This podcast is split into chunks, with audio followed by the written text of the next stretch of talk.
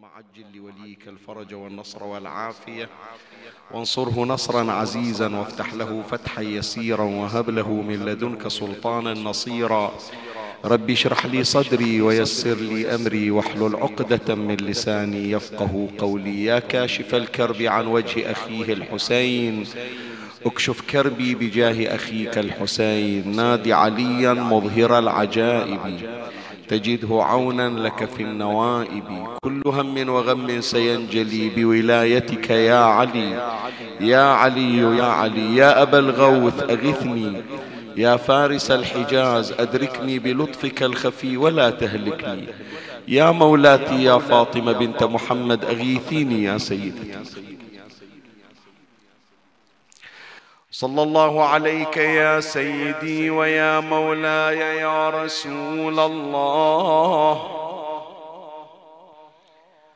صلى الله عليك وعلى آلك الطاهرين.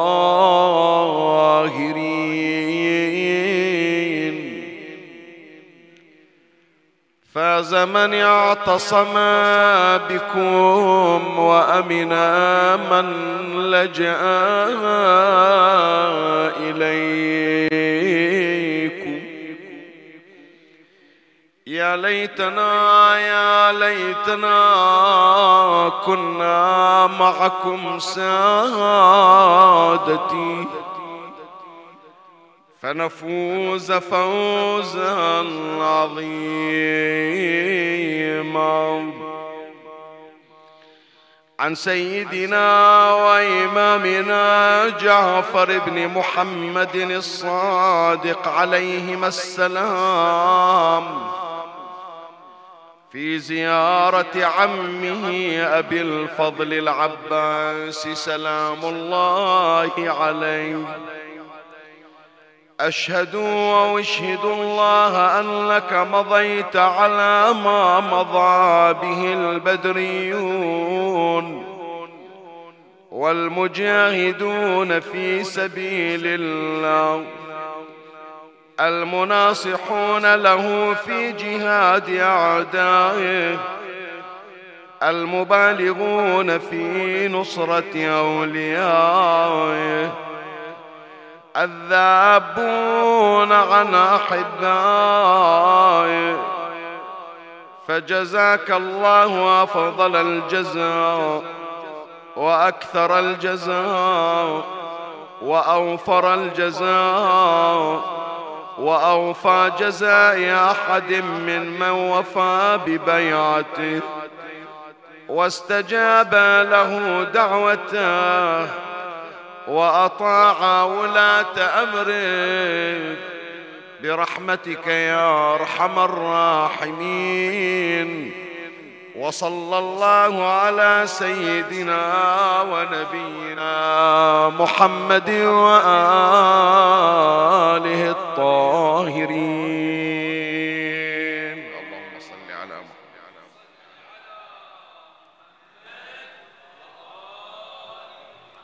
هذا المقطع الشريف من الزيارة الواردة عن إمامنا جعفر بن محمد الصادق صلوات الله عليه. يصف عمه أبا الفضل العباس عليه السلام بصفات عدة من ضمن هذه الصفات الصفات التي حازها وتقمصها من صفات البدريين. شوف إحنا نمر على هذا المقطع. أشهد أشهد وأشهد الله أنك مضيت على ما مضى به البدريون. شنو يعني ما مضى به البدريون؟ يعني الصفات التي كانت عند البدريين كانت صفات مميزة كانت صفات يضرب بها المثل. كما جاء في الأخبار أن البدريين تحت إذا مع العلم النبي صلى الله عليه وآله عنده غزوات عدة. يذكرون أن رسول الله صلى الله عليه وآله عنده من الغزوات سبعة وعشرون غزوة. شوف ما يقولون الخيبريون ما يقولون الأحديون ما يقولون التبوكيون ما يقولون الحنينيون مثلا مع العلم أن هناك من بذل في تلك المعارك ولا زال يضرب به المثل. لكن يضرب المثل بمن؟ بالبدريين. ليش بالبدريين؟ بالبدريين لأن اللي إجوا وتشوقوا فيما بعد إلى الشهادة وإلى التضحية كل من وراء التأسيس الذي أسسه البدريون. يعني من الليلة وباكر مجموعة من الأشخاص حمزة سيد الشهداء أمير المؤمنين صلوات الله عليه تلك الثلة وضعوا حجر الأساس بحيث فيما بعد شوقوا الناس لأن يرزقوا الشهادة بين يدي نبينا محمد صلى الله عليه وآله. اللهم صل على محمد وآل محمد وعجل فرجه. فكان البدريون من يجون عند النبي صلى الله عليه وآله النبي يعتني بهم اعتناء, اعتناء خاص ويرعاهم رعاية مميزة. حتى أنه في بعض الأخبار أنه خصص لهم وارد من خلال الغنائم في أي معركة يقول ذول اللي شاركوا في الحرب الأولى في بدر لهم حصة خاصة. يعني إحنا نثمن جهودهم.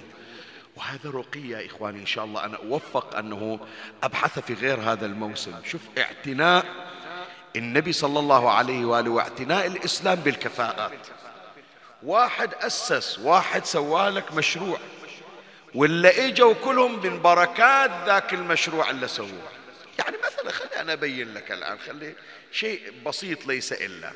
حتى تعرف أنه في كثير من الكفاءات ومن الأمور اللي يمكن هي مضيعة. الآن إحنا عندنا كثير من الشعراء ينظمون في رثاء أهل البيت وفي رثاء الإمام الحسين عليه السلام. وتمام وجنابك من تفتح أي ديوان في الأعم الأغلب تشوفه هالشكل مرتب. في وفاة النبي صلى الله عليه وآله أولا في مرض النبي ثم في وفاة النبي ثم في الهجوم على دار الصديقة ثم في مرض الصديقة ثم في وفاتها. وهكذا هذا التسلسل اللي تشوفه. هذا يعبرون عنه الشعراء بشنو يسمونه؟ يسمونه مراكز. يعني هو يعرف ينظم بس شلون يختار المطلب؟ شلون يختار مناسبة القصيدة؟ شلون يختار مثلا عنوان إلى القصيدة اللي راح ينظم عليها؟ تعرف بأن هذا الترتيب كان واحد جزاه الله خير هو اللي مشى عليه وخط إلى الشعراء. والشعراء فيما بعد توسعوا بس عندهم خط مشوا عليه. منو تدري عنه؟ قبل مية سنة أو أكثر المرحوم ولا علي بن فايز رحمة الله عليه. فلهذا شوف الشعراء من الرعيل الأول إلى الآن هم يعترفون بالفضل. هذه الأوزان نقرأ على شنو؟ ثم بعدين صارت تطويرات وإضافات قام بها المرحوم العطية وما إلى ذلك. بس إحنا لازلنا عرفانا وجميلا لهذه الشخصية. نقدر جهودها ونقدر حجر الأساس اللي وضعته في مشروع رثاء أهل البيت عليهم السلام. هالشكل ترى هذه تعليمات أهل البيت. علمونا أنه نحترم جهود الآخرين.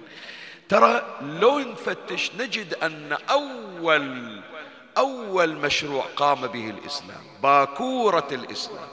العرفان إلى أصحاب الجهود السابقة. إن شاء الله ليلة باكر راح يمر علينا موضوع عن بعض الطبقات المميزة من صحابة النبي صلى الله عليه وآله. وشلون أن النبي صلى الله عليه وآله اهتم بكل واحد بادر وتحدى وقدم تضحيات وثمن هذه التضحيات. راح تمر علينا إن شاء الله غدا في بحث مفصل.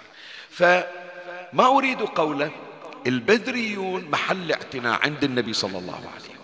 حتى هناك بعض الروايات تشير إلى أنه يوم من الأيام من ذول اللي تشرفوا بأن يشاركوا في غزوة بدر مع رسول الله صلى الله عليه وآله. من رجعوا تصير لهم أحيانا مشاكل أو مشادة ويا بعض المسلمين. فهذا يجي إلى النبي صلى الله عليه وآله يقول هذا فلان اللي كان وياك بمعركة بدر. سبب شوية بأذى وأنا شوية. النبي صلى الله عليه وآله يقول له ما يخالف حاول تتجاوز عنه. لأن هذا ترى وإن طلع عن طورة أو صار عنده شيء من الانفعال بس جهده لا ينسى. هذول قدموا تضحيات هذول قام على جهودهم الإسلام في الوقت اللي كنا إحنا قلة والكفر كثرة هم ذولا وقفوا وتحدوا الخوف وتحدوا السيوف فأنت عرفانا إلى جميلهم. ومن هنا نقول بأن البدريين مميزون ولأن عندهم امتيازات. من نقرأ زيارة سيدنا أبي الفضل العباس عليه السلام نقول بأن العباس ماشي على أولئك المميزين على البدريين. أشهد وأشهد الله أنك مضيت على ما مضى به البدري طيب أنا من وراء هذا الاستهلال وهذه المقدمة شريد أوصل إلى يا إخواني. إحنا من نجي نزور الإمام الحسين عليه السلام. رزقنا الله وإياكم الوصول إلى تلك العتبات المقدسة. قد إحنا زرنا الحسين وإذا زرنا الحسين صلوات الله عليه لازم نزور أخاه العباس عليه السلام. طيب نمر على هالعبارة. نمر على هالعبارة. أشهد وأشهد الله أنك مضيت على ما مضى به البدريون. طيب ما أسأل نفسي منو ذول البدريون؟ إلا العباس ماشي على خطهم ولا العباس عنده صفات من صفاتهم. أنا لو أتعرض إلى سؤال يوم من الأيام ولد من أولادي بابا منو ذول البدريون إلا العباس نزوره؟ ونذكر بأنه ماشي على خطاهم وحايز على صفاتهم. شو نقول إحنا؟ زين يمكن أنا أذكر مثلا من البدريين أذكر واحد أو اثنين. بس تالي لو يسألوني ذول شخصيات صرنا نذكرها إحنا في كل زيارة للعباس عليه السلام. اي ونريد نميز العباس نقول العباس ماشي على ما مشى عليه البدر. طيب منو ذول البدريون اللي هم عندهم صفات والعباس ماشي على نفس صفاتهم؟ فحديثي هذه الليلة يا إخواني بعنوان من هم البدريون؟ ليش اخترنا هالبحث؟ ليلة 17 بالشهر تصادف ذكرى معركة وغزوة بدر الكبرى في السنة الثانية للهجرة. 17 رمضان في السنة الثانية للهجرة. فأريد أنه أجمع بين النورين. هم نشير إلى دور هؤلاء وهم نبين أوجه الشبه بين سيدنا أبي الفضل العباس عليه السلام وبين البدريين. فلهذا عنوان الباحث من هم البدريون؟ وأخليه إن شاء الله في فصول ثلاثة أمر عليهما تباعا أو أمر عليها تباعا. ومن الله أستمد العون والتوفيق. ومن مولاي أبي الفضل العباس المدد وألتمس منكم الدعاء ولقضاء حوائجكم ثلاثا باعلى الأصوات. صلوا على محمد وآل محمد. اللهم صل على محمد.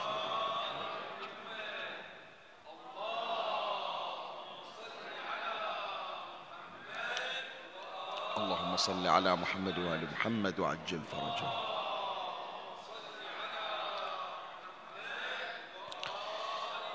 مولاي الكريم أنت أينما كنت اسمع لي وفرغ لي قلبك وأعرني سمعك وأقبل علي بكلك أخبرتك أن عنوان بحث, بحث هذه الليلة من هم البدريون؟ وأشرت إلى أن البحث ينقسم إلى فصول ثلاثة. أولا نتحدث عن معلومات عن البدريين. نريد إحنا نتعرف على ذول البدريين من هم شنو؟ عندهم مثلا من تفاصيل ينبغي أن نتعرف عليها حتى تصير عندنا ثقافة بدرية تستطيع أن تسميها. أولا عدد البدريين. ذولا للعباس عليه السلام ماخذ من صفاتهم. كم نفار؟ الروايات مختلفة بين السنة والشيعة. الروايات مختلفة. لكن مقدار ما نحن نجزم به من خلال روايات أهل البيت صلوات الله عليهم أن عدد البدرين 313 شخص. وعادة من تجي تقرأ عن عدد البدرين يحطون عبارة أريدك تلتفت إلها. يقولون عدة أهل بدر مرة يقولون عدد أهل بدر ومرة يقولون لا عدة. شنو الفرق بين عدد وعدة؟ عدد مثلا أنا أجي إلى الحسينية. يسألون يقولون كم واحد قاعد بالحسينية؟ فأبو الحسينية يوقف يحسبهم. هذا يقول والله موجود مثلا 200 نفر 300 نفر. يقول والله الحسينية بها 300 شخص جاي يستمع. هذا يسمونه عدد. بس مرات لا أريد المجلس يكون 500 شخص. فحتى لو يجي 480 أقول إلا تكمل 20 شخص حتى نوصل إلى العدد المطلوب وهو 500 فمن يصير عندك رقم والرقم ثابت؟ هذا الرقم الثابت يسمونه شنو؟ عدة عدة يعني رقم يلتزم به. وهالرقم هذا الثلاثمية وثلاثة عشر مو إجا مصادفة يا إخواني. خاف تقول والله النبي اللي حصلهم ثلاثمية وطلع بيهم. لا. الرقم هذا كان موجودا قبل النبي. وصار في زمن النبي وسيتكرر أيضا كما تكرر بعد النبي صلى الله عليه وآله. الآن أشير إلى الروايات الرواية الأولى عن إمامنا علي بن الحسين زين العابدين سلام الله عليه. يعني. قال المفقودون على فرشهم. حط بالك للرواية لأني راح أوقف عندها راح أشرح عبارة إن شاء الله نكون من أهلها وذولا المفقودون عن فرشهم ثلاثمائة وثلاثة عشر رجلا. عدة أهل بدر. شوي راح أعيد الكلمة حتى تركز. المفقودون عن فرشهم ثلاثمائة وثلاثة عشر رجلا. عدة أهل بدر. شوف قال الإمام شنو؟ عدة. ما قال عدد. ما قال بأنه مثل ما صادف عند النبي 313 راح يجمع كم واحد صاحب الزمان ويحصل 313 على نفس العدد. كان قال الإمام لو كان العدد مصادفة كعدد أهل بدر. بس يقول لا عدة عدة يعني شنو؟ يعني لا بد أن يوفر الله للإمام المنتظر أرواحنا فداه 313 عدة كما وفر عدة مكونة من 313 لجده المصطفى محمد صلى الله عليه وآله. اللهم صل على أعيد الرواية. المفقودون عن فروشهم ثلاثمائة ثلاثمائة وثلاثة عشر رجلا عدة أهل بدر فيصبحون بمكة وهو قول الله عز وجل أينما تكونوا يأتي بكم الله جميعا. شوي خلي أوقف وياك. هذه لفتة جدا رائعة. أصحاب الإمام سلام الله عليه كم عددهم إحنا ذكرنا يعني إذا تتذكرون كانت عندنا سلسلة حول الإمام سلام الله عليه. أصحاب الإمام يقسمونهم. هذا الآن موضوع مطروق بس إحنا من باب إنعاش الذاكرة. وما نريد أنه هذا الموسم يطلع من غير ذكره صلوات الله عليه. أصحاب الإمام عليه السلام يقسمونهم. يقسمونهم إلى أصحاب انضموا وتطوعوا. مثلي ومثلك. إحنا يمكن ما محسوبين من أنصار الإمام العدة لكن نتمنى نصير من أنصاره. نتمنى نكون من أتباعه. فالإمام ما يكسر بخاطر. شوف أنت كل يوم من تقرأ دعاء العهد اللهم إن حال بيني وبينه الموت الذي جعلته على عبادك حتما مقضيا فأخرجني من قبري مؤتزرا كفني شاهرا سيفي مجردا قناتي ملبيا دعوة الداعي. يقول يمكن عندي ذنب حرمني أنه أنا أكون من أنصار الإمام بس لما تطلب بشكل مستمر اللهم اجعلنا من شيعته وأعوانه ومن مقوي دولته وسلطانه الامام ما يكسر بخاطرك. يقول لك راح أجيبك. صح ما راح أخليك من القواد ما راح أخليك من الوزراء لكن أعطيك وظيفة بس بحيث يقولون هذا محسوب عليه زين. هذولا يجون تطوعا أو تفضلا من الامام اكو قسم آخر؟ لا. هذولا الله معينهم أنصار للامام المتبادر للأذهان يا إخواني أنه أنصار الإمام الحجة أرواحنا فداء كم نفر؟ تحفظ الرقم؟ 313 مو صحيح؟ رقم الأصحاب الإمام أنصار الإمام 313 حتى لو تلاحظون البعض قام يحط لوجو أو يحط مثلا صورة. على الواتساب ماله أو كذا 313 يعني شنو؟ يعني أتمنى أن أكون من ال 313 إلى الإمام. هل أنصار الإمام وزراء 313 مثل ما نتصور؟ لا. هذه فيها تخصيص أيضا. أنصار الإمام جنود الإمام وزراء الإمام قواد الإمام الأعضاء المنتسبون إلى الإمام بالروايات تجي تقول أكثر من عشرة آلاف شخص. إنما ذولا موزعين. شلون موزعين؟ أكو بعض من عندهم من يطلع الإمام ويطلبهم. افرض مثلا هذا واحد بالعراق هذا واحد مثلا بإيران ذاك بلبنان هذا مثلا رايح يدرس ببريطانيا والإمام مختار لنا يكون مثلا من أنصاره. طلع الإمام بمكة الآن يريده. شلون يروح للإمام؟ والله يتصل لمكتب سفريات قصوا لي تذكرة ما عندنا حاجز انتظر لعقب أسبوع. فيتصل للإمام سامح لي ترى ماكو حجز عندنا ببريطانيا. إلين أحصل طائرة راح أجي. هالشكل راح يصير؟ لا مو هالشكل فشوف الروايات تجي تقول بعض من أنصار الإمام تأتي بهم السحب. يعني سبحان الله تنقله أجنحة الملائكة. الرواية حتى تقربها إن قالوا يأتون على السحاب. هو لا الملائكة تنقل وهذا موجود عند بعض أهل السلوك وعند بعض العرفانيين أن هذا الشخص يعرفون أنه سيأتي من أهل السحب. يعني سنراه كيف ينقله الإمام في الهواء ويأتي إليه في مكة. هذا قسم.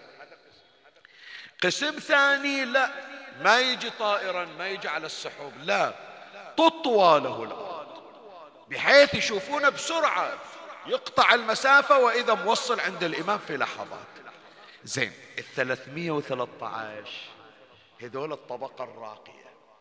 هذا من زود عشق الإمام إلهم شوق الإمام إلهم لهفة الإمام إلهم.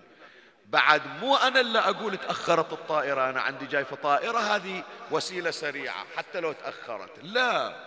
الإمام عنده حتى هذا السحاب اللي راح يجيبهم وحتى الأرض اللي راح تطوي راح تأخرهم بعد. فيدور وسيلة أسرع من السحب ومن طي الأرض. شلون؟ ما بيها شيء. ما بها تأخير. بحيث هو على الفراش يقولون يختفون من فرشهم وإذا هم مباشرة عند الإمام وسلم. الآن البعض يقول شيخ مش شلون يصير؟ إيه شلون يصير؟ الإمام سلام الله عليه خليفة الأنبياء خليفة المرسلين خليفة الأوصياء خليفة الأئمة. هذا واحد من الأوصياء. هذا ما صار مثل يوشع بن نون وصي موسى ترد له الشمس. هذا ما صار مثل علي بن أبي طالب. لا وصي إلى سليمان آصف بن برخيل الله عطاك قدرات. قال شنو عفاريت؟ شنو جن؟ على ما يقوم سليمان ويقعد يبغى له سنة. أحسبها سنة هالمسافه هالمده الزمنيه اللي ما تأخذ؟ ثانيتين ثلاثة أنا عندي هي ثلاث سنين مو ثلاث ثواني.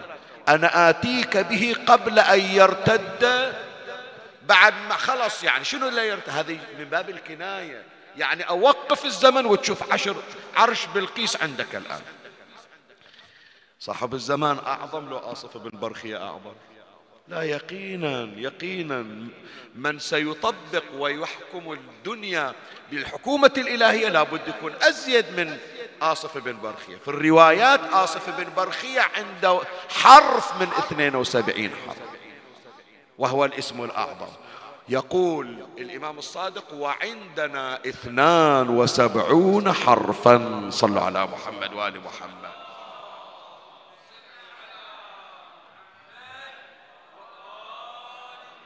فكأنما يعني بتعبير آخر وإن كان هذا التعبير مو دقيق بس تعبير تقريبي.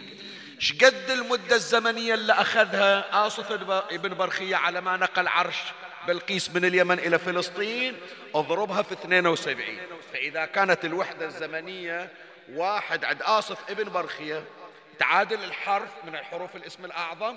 أهل البيت عندهم 72 فخلنا نقول الوحدة الزمنية في 72 شقد السرعة. فلهذا الإمام زين العابدين عليه السلام يقول بأن هذا قاعد وهي أهله أو نايم على فراشه الإمام يشتاق إلى بالتو واللحظة. يختفي من موضعه وينتقل إلى إمامنا قائم آل بيت محمد. صلوات الله عليه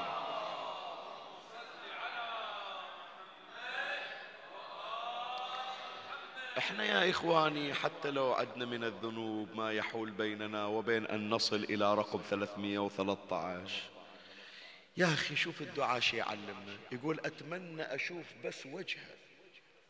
مو بعد أختفي من فراشي ويطلبني. مو والله يجيبني على سحاب أو تطوالي الأرض أتشرف برؤيتي. فلهذا من تقرأ في الدعاء اللهم أرنا الطلعة الرشيدة والغرة الحميدة يعني اجعلني من الموفقين لرؤية الإمام لأن مجرد رؤية الإمام يا إخواني هو الخير الذي يفتح أبواب الخير. أنت جنابك الآن تروح إلى كربلاء. الله يرزقنا وإياكم. إيه يرزقك الله رؤيا ضريح الحسين ضريح علي بن موسى الرضا. من ذيك الزيارة تنفتح لك أبواب الخير. وأنت شايف ضريح. فكيف لو رأيت القمر المنير والشمس الطالعة وهو وجه إمامنا قائم آل بيت محمد صلوات الله عليهم أجمعين؟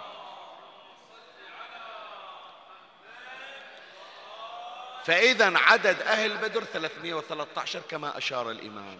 أيضا كان أهل البيت يا إخواني يتمنون يحصلون هذا الرقم.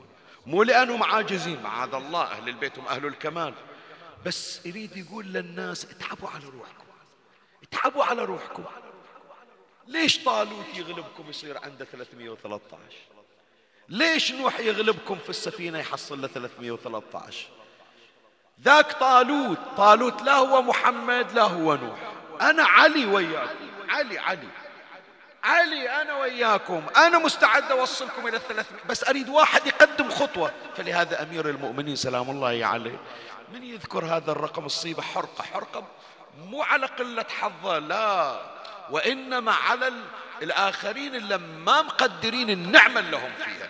فلهذا يقول أمير المؤمنين سلام الله عليه أما والله لو كان لي عدة أصحاب طالوت أو عدة أهل بدر وهم أعداؤكم لضربتكم بالسيف حتى تؤولوا إلى الحق وتنيبوا إلى الصدق إلى الصدق فكان أرتق للفتق وآخذ بالرفق اللهم فاحكم بيننا وبين خير الحاكم وأنت خير الحاكمين. يريد يقول الإمام سلام الله عليه يقول أنا متحسف عليكم.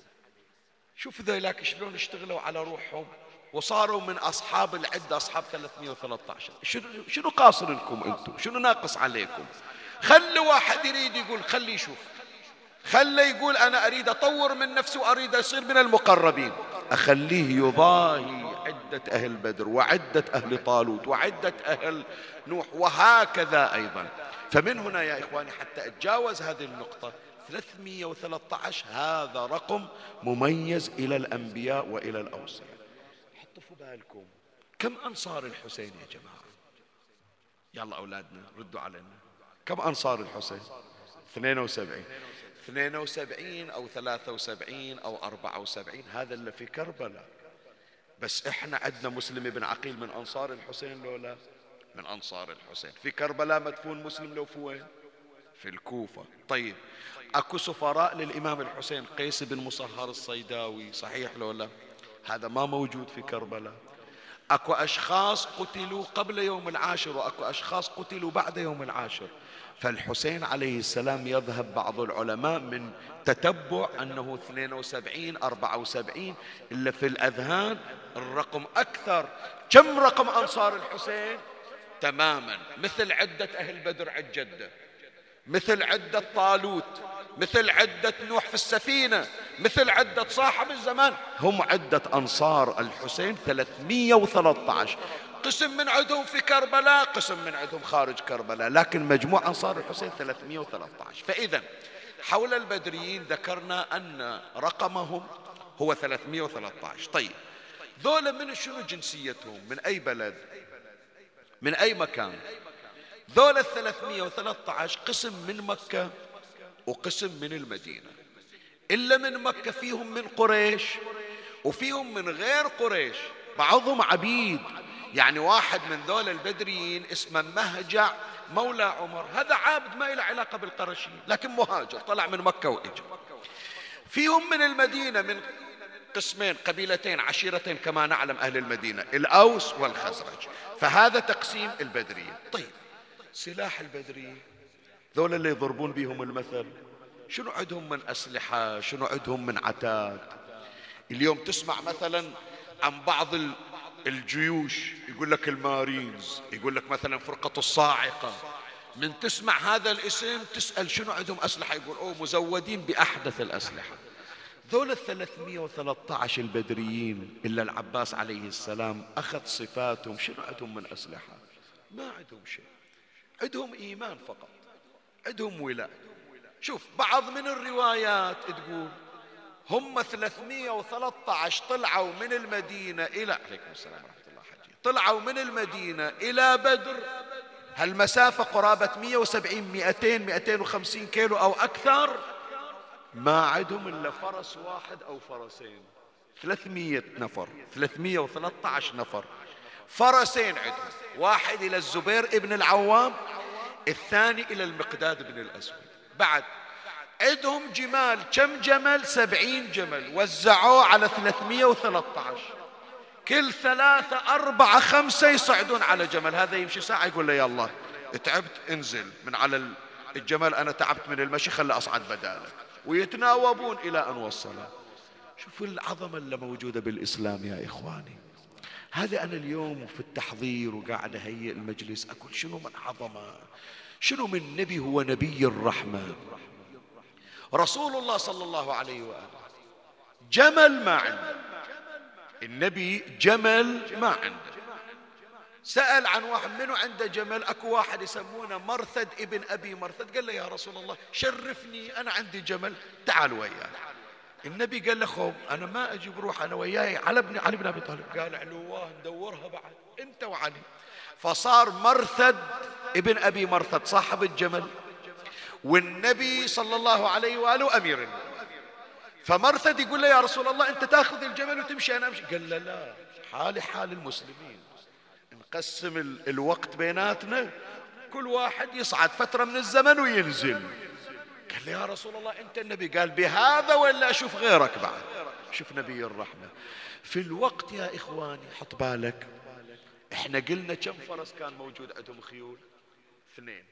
واحد من أصحاب الأفراس منه الزبير ابن العوام. الزبير من أمه صفية بنت عبد المطلب. يعني النبي ابن خاله النبي محمد بن عبد الله ابن عبد المطلب. وهو الزبير ابن صفية بنت عبد المطلب. فإن كان قال للزبير يا رسول الله تاخذ قال له لا ما آخذ الفرس. شي يقولون ذولا؟ تونحى أول حرب.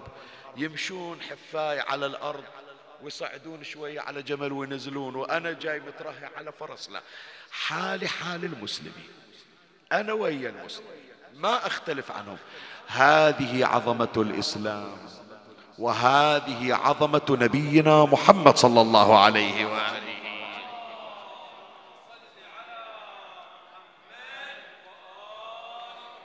زين حتى أنهي هذا الفصل أروح الغيرة أريد أختم بهذه النقطة أذكر لك أسماء البدريين حتى الليلة إن شاء الله من توفق لزيارة سيدنا أبي الفضل العباس عليه السلام. وتقرأ هذه العبارة أشهد وأشهد الله أنك مضيت على ما مضى به البدريون. من تقول البدريون؟ تعرف من البدريون بأسمائهم. خلي أذكر لك أسمائهم. قالوا أن عدد البدريين وهم الذين استشهدوا بين يدي رسول الله صلى الله عليه وسلم. 313 شوف النصر الإلهي إلى النبي في مثل هذه الليلة. الليلة المشركين ألف نفر. رسول الله صلى الله عليه وآله ويا وياه 313 زين. عدد القتلى من المشركين إيش قد؟ سبعين شخص. عدد القتلى من وثلاثة عشر إيش قد؟ أربعة عشر شخص. شوف شلون. والسبعون قتلوا من المسلمين وبمشاركة علي بن أبي طالب سلام الله عليه. فلهذا نصر الله نبينا محمد صلى الله عليه وآله هذا اليوم بسيف أمير المؤمنين علي بن أبي طالب. صلوات الله عليه.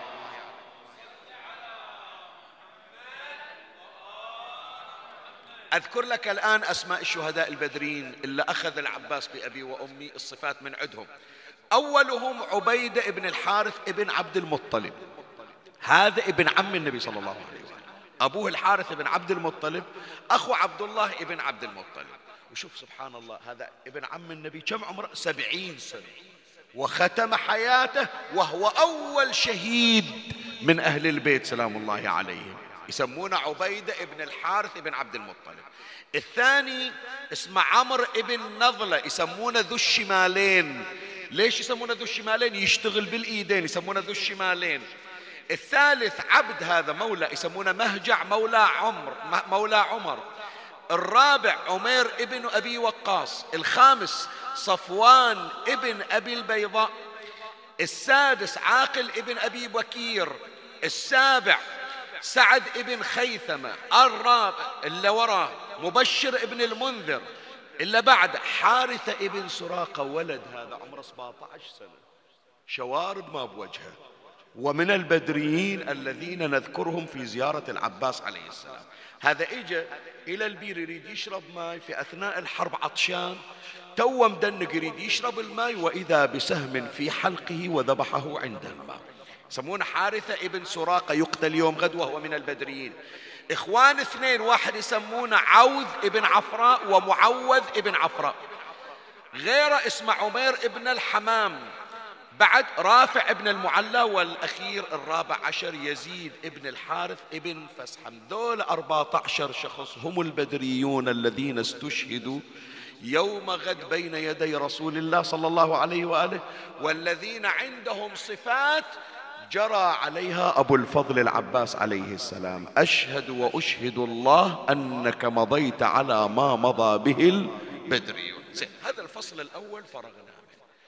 الآن تقول لي شيخنا ذولا عرفناهم من وين وعرفنا شنو عندهم من أسلحة وعرفنا أسمائهم وعرفنا عددهم. زين شنو من صفات عندهم؟ إلا العباس بعظمته بهذه القامة ماشي على منهاج البدريين وعلى صفات البدريين. شوف مما ذكر فيه. أولا المبالغة في نصرة نبينا محمد صلى الله عليه وآله.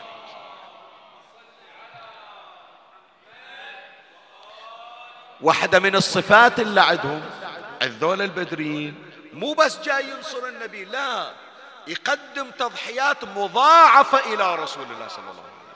بحيث من تقرأ في الزيارة المبالغون في نصرة أولياء. مو بس نصروا أولياء لا بالغ في النصرة. تدري شلون أنا أقول لك؟ راح أذكر لك الآن العبارة. أول ما طلع المشركون هذا باكر أول ما طلعوا المشركون. ذولا تدري 313 وحط بالك يعني هي معلومة خليها عندك. ترى اللي حضروا مو 313 لا. اللي حضروا أكثر من ال 313 بس عمي مو كلهم قلوبهم نظيفة ومقبلين وعندهم شجاعة. أكو فيهم اللي مخترع أكو فيهم اللي خايف أكو فيهم اللي كان يتراجع. اللي ثبتوا واللي فعلا قدموا التضحيات 313 العدة. فمن شافوا الجيوش وألف فارس والعتاد وهم ما عندهم شيء واحد من عندهم قال للنبي يا رسول الله ذولا شلون نقابلهم؟ إحنا إحنا وين نقابلهم؟ لو نرجع أحسن إلنا. نسلم على 313 ترى هذول بيقضون علينا ما ناخذ نص ساعة بين ايديهم اجى منه المقداد اللي وقف ويا أمير المؤمنين. سلام الله عليه. اللي يصف أمير المؤمنين بأنه بأن إيمانه كزبر الحديد. خلي أقرأ لك الكلمة حتى تعرف من تقرأ زيارة العباس تعرف منو يقصدون بالزيارة. فقال المقداد لرسول الله يا رسول الله إنها قريش وخيلاؤها وقد آمنا بك وصدقناك وشهدنا أن ما جئت به حق من عند الله. والله شوف يحلف والله لو أمرتنا أن نخوض جمر الغضا وشوك الهراس. قول لنا امشوا على النار نمشي على النار. لخضنا معك ولا نقول لك ما قالت بنو إسرائيل لموسى. اذهب أنت وربك فقاتلا. إنا ها هنا قاعدون إحنا مو مثلهم. ولكننا نقول اذهب أنت وربك فقاتلا. إنا معكما مقاتلون. بنو إسرائيل من خافوا من راح موسى يريد يقاتل الجبارين قالوا جبارين شلون نقابلهم؟ لا لا لا. روح انت ويا الله مالك اللي اعطاك المعاجز إحنا من تنتصر عليهم؟ تعال إلنا. قال هذول بني إسرائيل إحنا يا رسول الله ما تتحرك خطوة إحنا قدامك. السهام تأتي إلينا ونقي وجهك. فهم مبالغون في نصرة. زين هي واحدة. بعد صفتهم الثانية. صفتهم الثانية قال المسارعون إلى الذب عن رسول الله فلهذا من تقرأ في زيارة العباس عليه السلام على ما مضى عن به البدريون الذابون عن أحبائه. هذا اللي ذكرنا اسمه عبيدة بن الحارث بن عبد المطلب. هذول أول ثلاثة طلعوا باكر. أول ثلاثة طلعوا علي والحمزة وعبيدة. عبيدة أصيب على رجله انقطعت رجله سبعين سنة عمره وقع ينزف.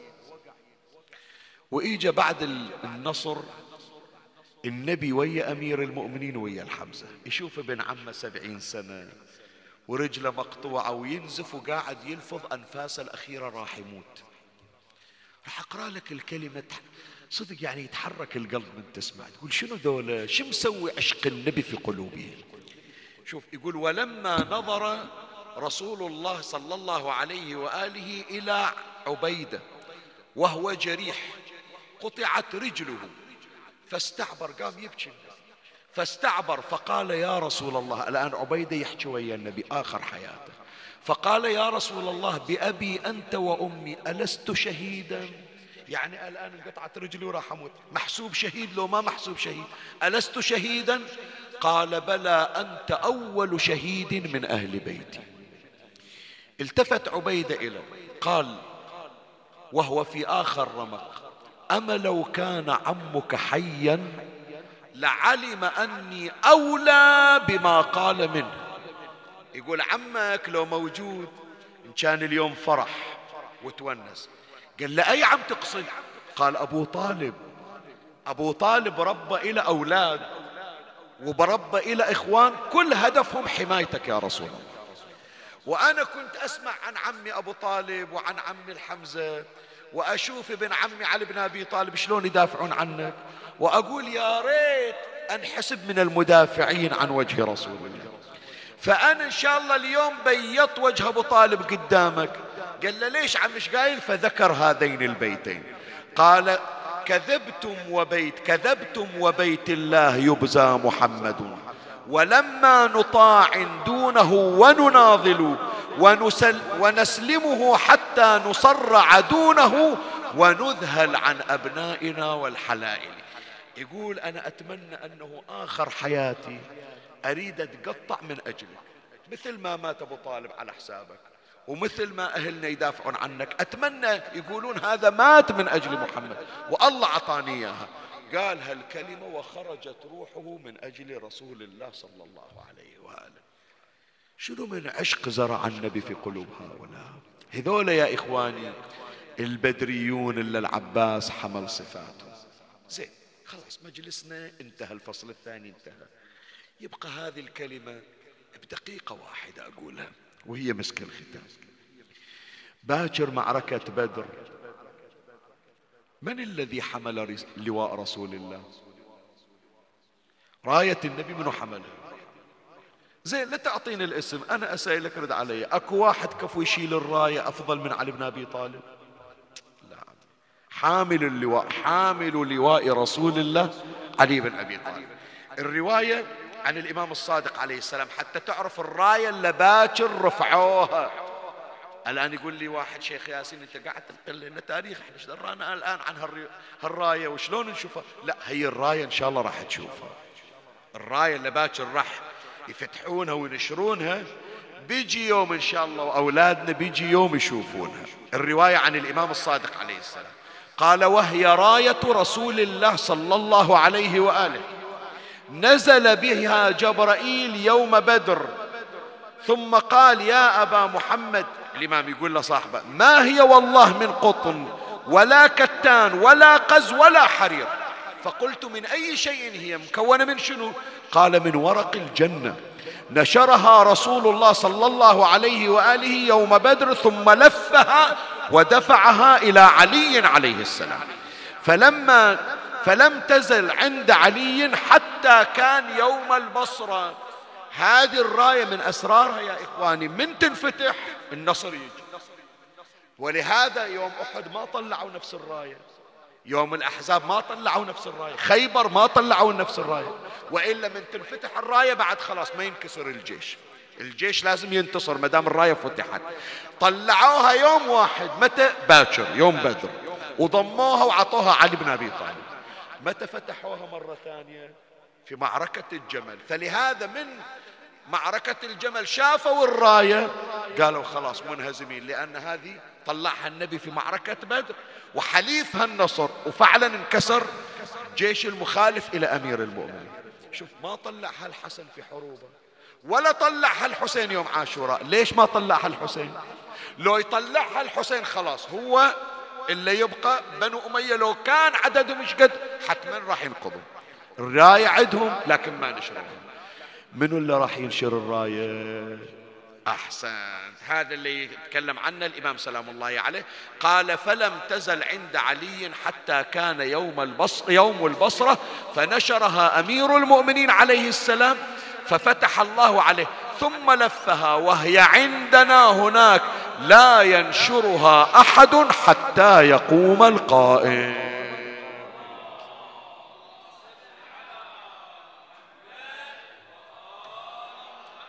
فحامل راية رسول الله من هو علي بن أبي طالب. طيب عمي هذه الآن اسمع صوتك بها. إذا حامل راية رسول الله علي حامل راية الحسين من؟ إي نعم. أشهد وأشهد الله أنك مضيت على ما مضى به البدريون. علي من البدريين وهو حامل راية رسول الله فحامل راية الحسين هو أبو الفضل. بس عمي يوم اللي خلصت المعركة باكر. علي رجع إلى النبي والراية بإيده وسلم الراية إلى النبي. والنبي لف الراية وعطاها إلى علي والراية ظلت سالمة وراعي الراية سالم. بس قول لي رد علي العباس رجع الراية للحسين. لو طاحت من إيده إذا كان علي عاد إلى رسول الله يحمل الراية هو سالم والراية سالمة. لا بكربلة تغيرت العادة. العادة شلون صارت؟ قال الحسين واقف على باب الخيمة ويشوف الراية تتمايل. باكر الراية ما تمايلت في بدر. شايلينها علي وثابتة. ليش بكربلة مايلت الراية؟ قطعت اليمين وقطعت الشمال. شوية وإذا الراية طاحت على التراب. وفربوا علي من المخيم. شلون طلع من المخيم؟ مو همة إن الراية رايته موجودة. لكن هم اللي شايل الراية يريد يشوفه بأي حال. وما وصل إليه وإذا به على الثرى مفضوخ الراس. مقطوع اليدين. سيد ابن طاووس يقول والسهم قد شك عينه. طالع من الخيمة مثل القمر وأحلى من القمر. وما هي إلا سويعات وإذا ذاك القمر انخسف عمي أهل أبو صيبع وضيوفنا اللي جايين إن شاء الله ما تصيرون بهالموقف. بس اللي يوصل لخبر ترى أخوك مسوي حادث وهناك بالمستشفى ما يخلون هذا الأخو يروح إلى أخوه بروحه. يطلعون وياه يخافون على قلبه يتوجع من يشوف أخوه مصور يجون يقول واحد أنا أنا راح أجي وياك خاف تشوفه وتنهار بعد. بس قول لي الحسين يوم اللي طلع من الخيمة عنده أحد يطلع وياه بعد. زين عند اخته زينب يرضى الحسين زينب تطلع بعد. لا ما طلعت. إيش معنى طلعت على التل؟ ما طلعت لاخوها على التل. إيه الغيور ما خلاها؟ قال زينب لو توصلين وياي للمشرعة وتشوفين العباس شي يصير بحالي خليني أنا يا زينب أروح خلي أنا اللي ظهري ينكسر مو أنت اللي ظهرك ينكسر. يلا عمي. يلا أهل الحوايج. الليلة ليله 17 من ليالي القدر. إن شاء الله ونتنا على باب الحوائج تكون تقضي حوائجنا. شباب سمعوني أصواتكم. الليلة أريد ونه من عندكم. ولي ولي تعنا من الخيم للعلق محسين يصيح بصوت يا أخويا طحت. يصيح بصوت يا أخويا.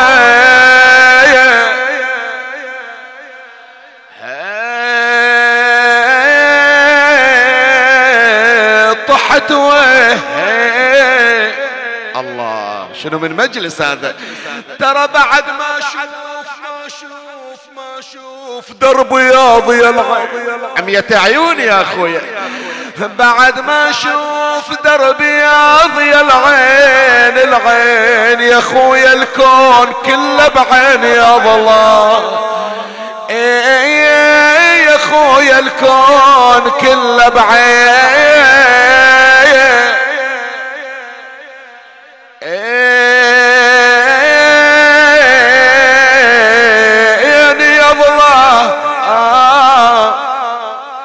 اجا الحسين وصل عند أبو فاضل قعد عند راس العباس بآخر لحظات حياته.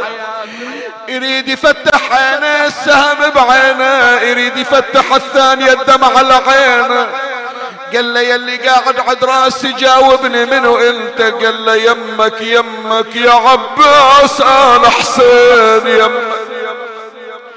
يا عباس أنا حسين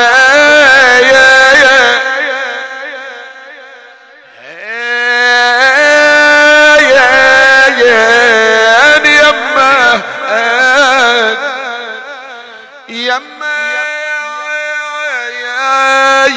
يا خويا واختلط دمع فيض دمع خويا سكنة تسلم طفل باسمك باسمك تقل ساعة ويجيب الماء يا عم اي ساعة ويجيب الماء.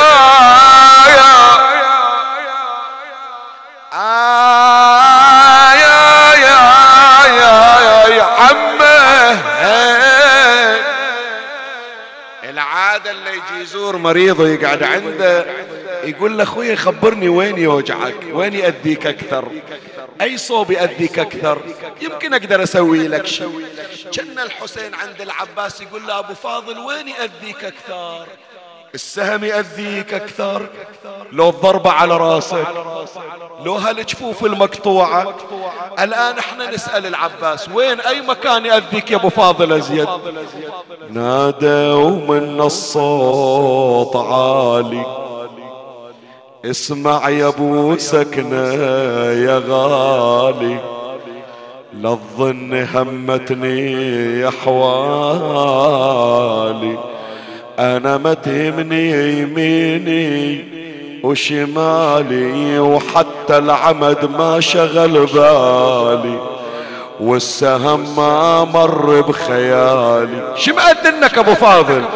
قال بس الهضوم أول وتالي زينب تظل بغير. مأذتني زينب يا أبو علي. زينب تظل بغير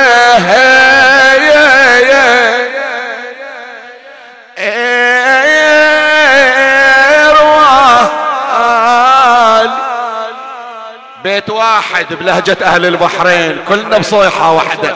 لو عد فاضل الأخوة فضلك يا بزود وما شفت في الاخوة مثلك بذل. الله. قطع العدا ذرعانه تقرأ البيت لو لا شال العلم. عباس أنا بشيلك لدوسك عيدة عيدة عباس أنا بشيل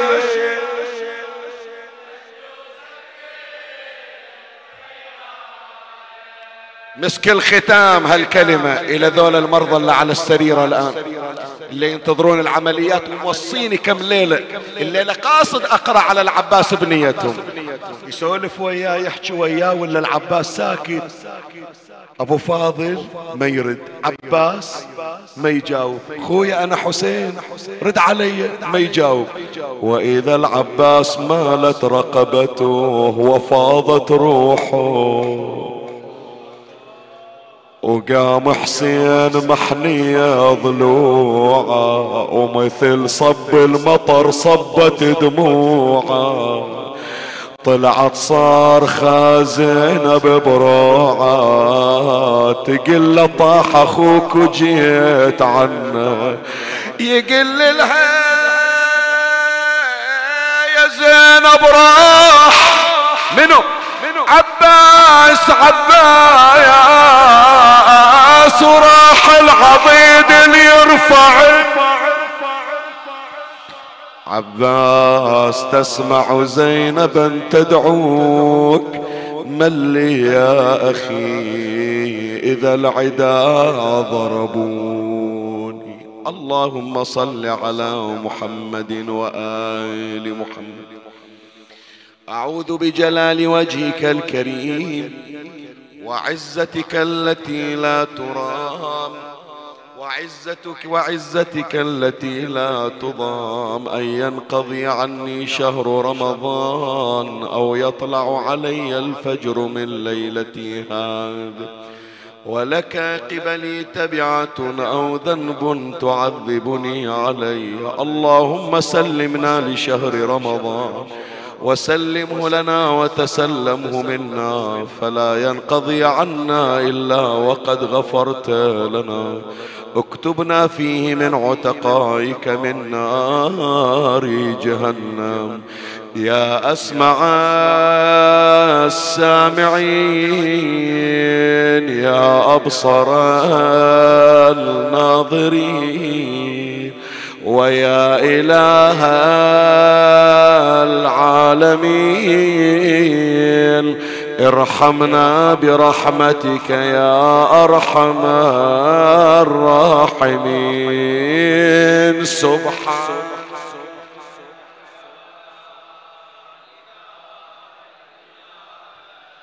الغاوث الغاوث خلصنا من النار يا رب. خلصنا وخلص والدينا وذوي الحقوق علينا وجميع المؤمنين من نار جهنم. اكتبنا من عتقائك من النار. اقض حوائجنا يا قاضي الحاجات يا مجيب الدعوات يا سامع الشكايات. اسمع لنا واستجب يا الله.